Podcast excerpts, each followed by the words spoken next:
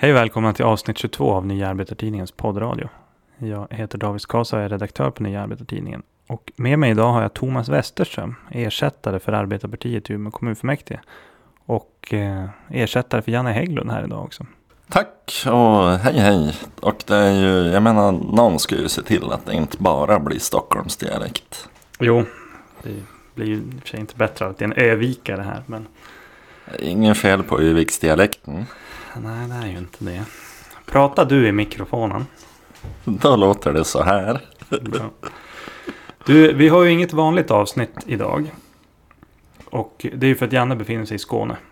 Eh, han är och träffar övriga som finns i den arbetsgrupp som jobbar med polisanmälan mot de 300 individer som har rest från Sverige och eh, ner till Syrien och Irak för att ansluta sig till Islamiska staten, Daesh eh, eller andra terrorgrupper. Visst hade vi haft några avsnitt om det här tidigare? Jo, precis. Jag tror att det var avsnitt 15 som vi hade. Så det kan man gå tillbaka och lyssna på om man vill veta mer om den här anmälan och sådär. Men vad det handlar om det är att försöka använda den befintliga lagstiftningen eh, för att lagföra de här 300 individerna som det handlar om. Sverige är ju ett av få länder i Europa där de som har återvänt får gå helt fria. Och det handlar ju om 150 personer som har återvänt till Sverige. Och eh, de kan ju gå omkring och träffa personer. För Sverige har ju på grund av ett stort flyktingmottagande också många av IS eller Daesh offer här. Och de här offren kan ju möta sina förövare som kan ha utfört fruktansvärda saker mot familjemedlemmar, vänner, anhöriga. De kan ju möta de här människorna på ICA och Konsum. Liksom. Vilka personer är det som ingår i den här arbetsgruppen då? Förutom Janne Hägglund. Jo, precis. Det är ju eh, initiativtagaren. Han heter Ulf Boström. Han är en sån här integrationspolis i Göteborg. Eh, Sveriges enda integrationspolis. Och eh, sen är det en eh, som heter Edvard Nordén. Som är eh, lantbrukare i Skåne. Och han är aktiv inom någonting som heter Medborgerlig Samling.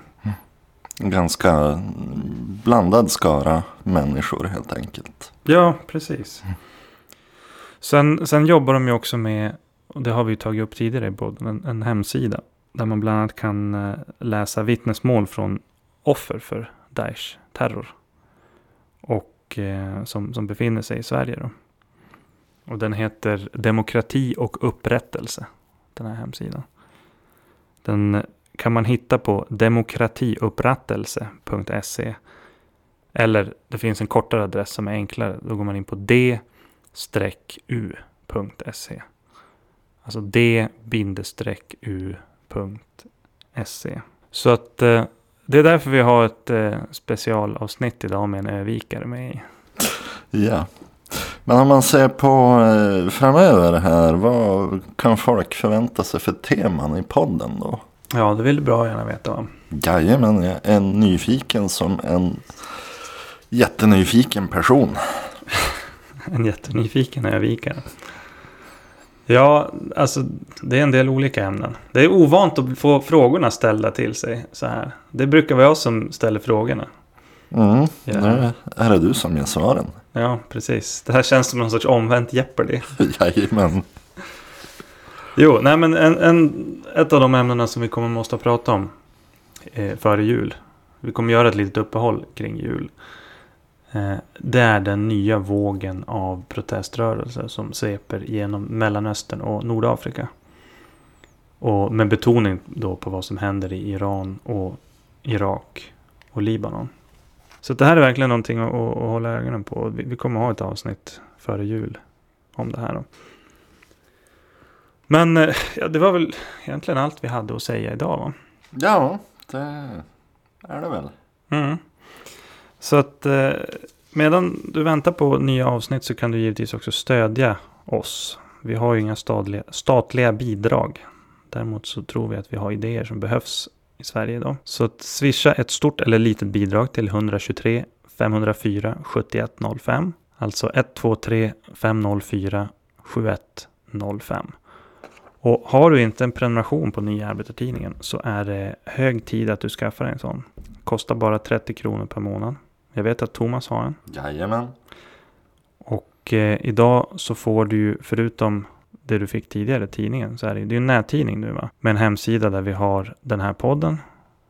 Vi eh, har så smått börjat, men det kommer mer eh, webb-tv.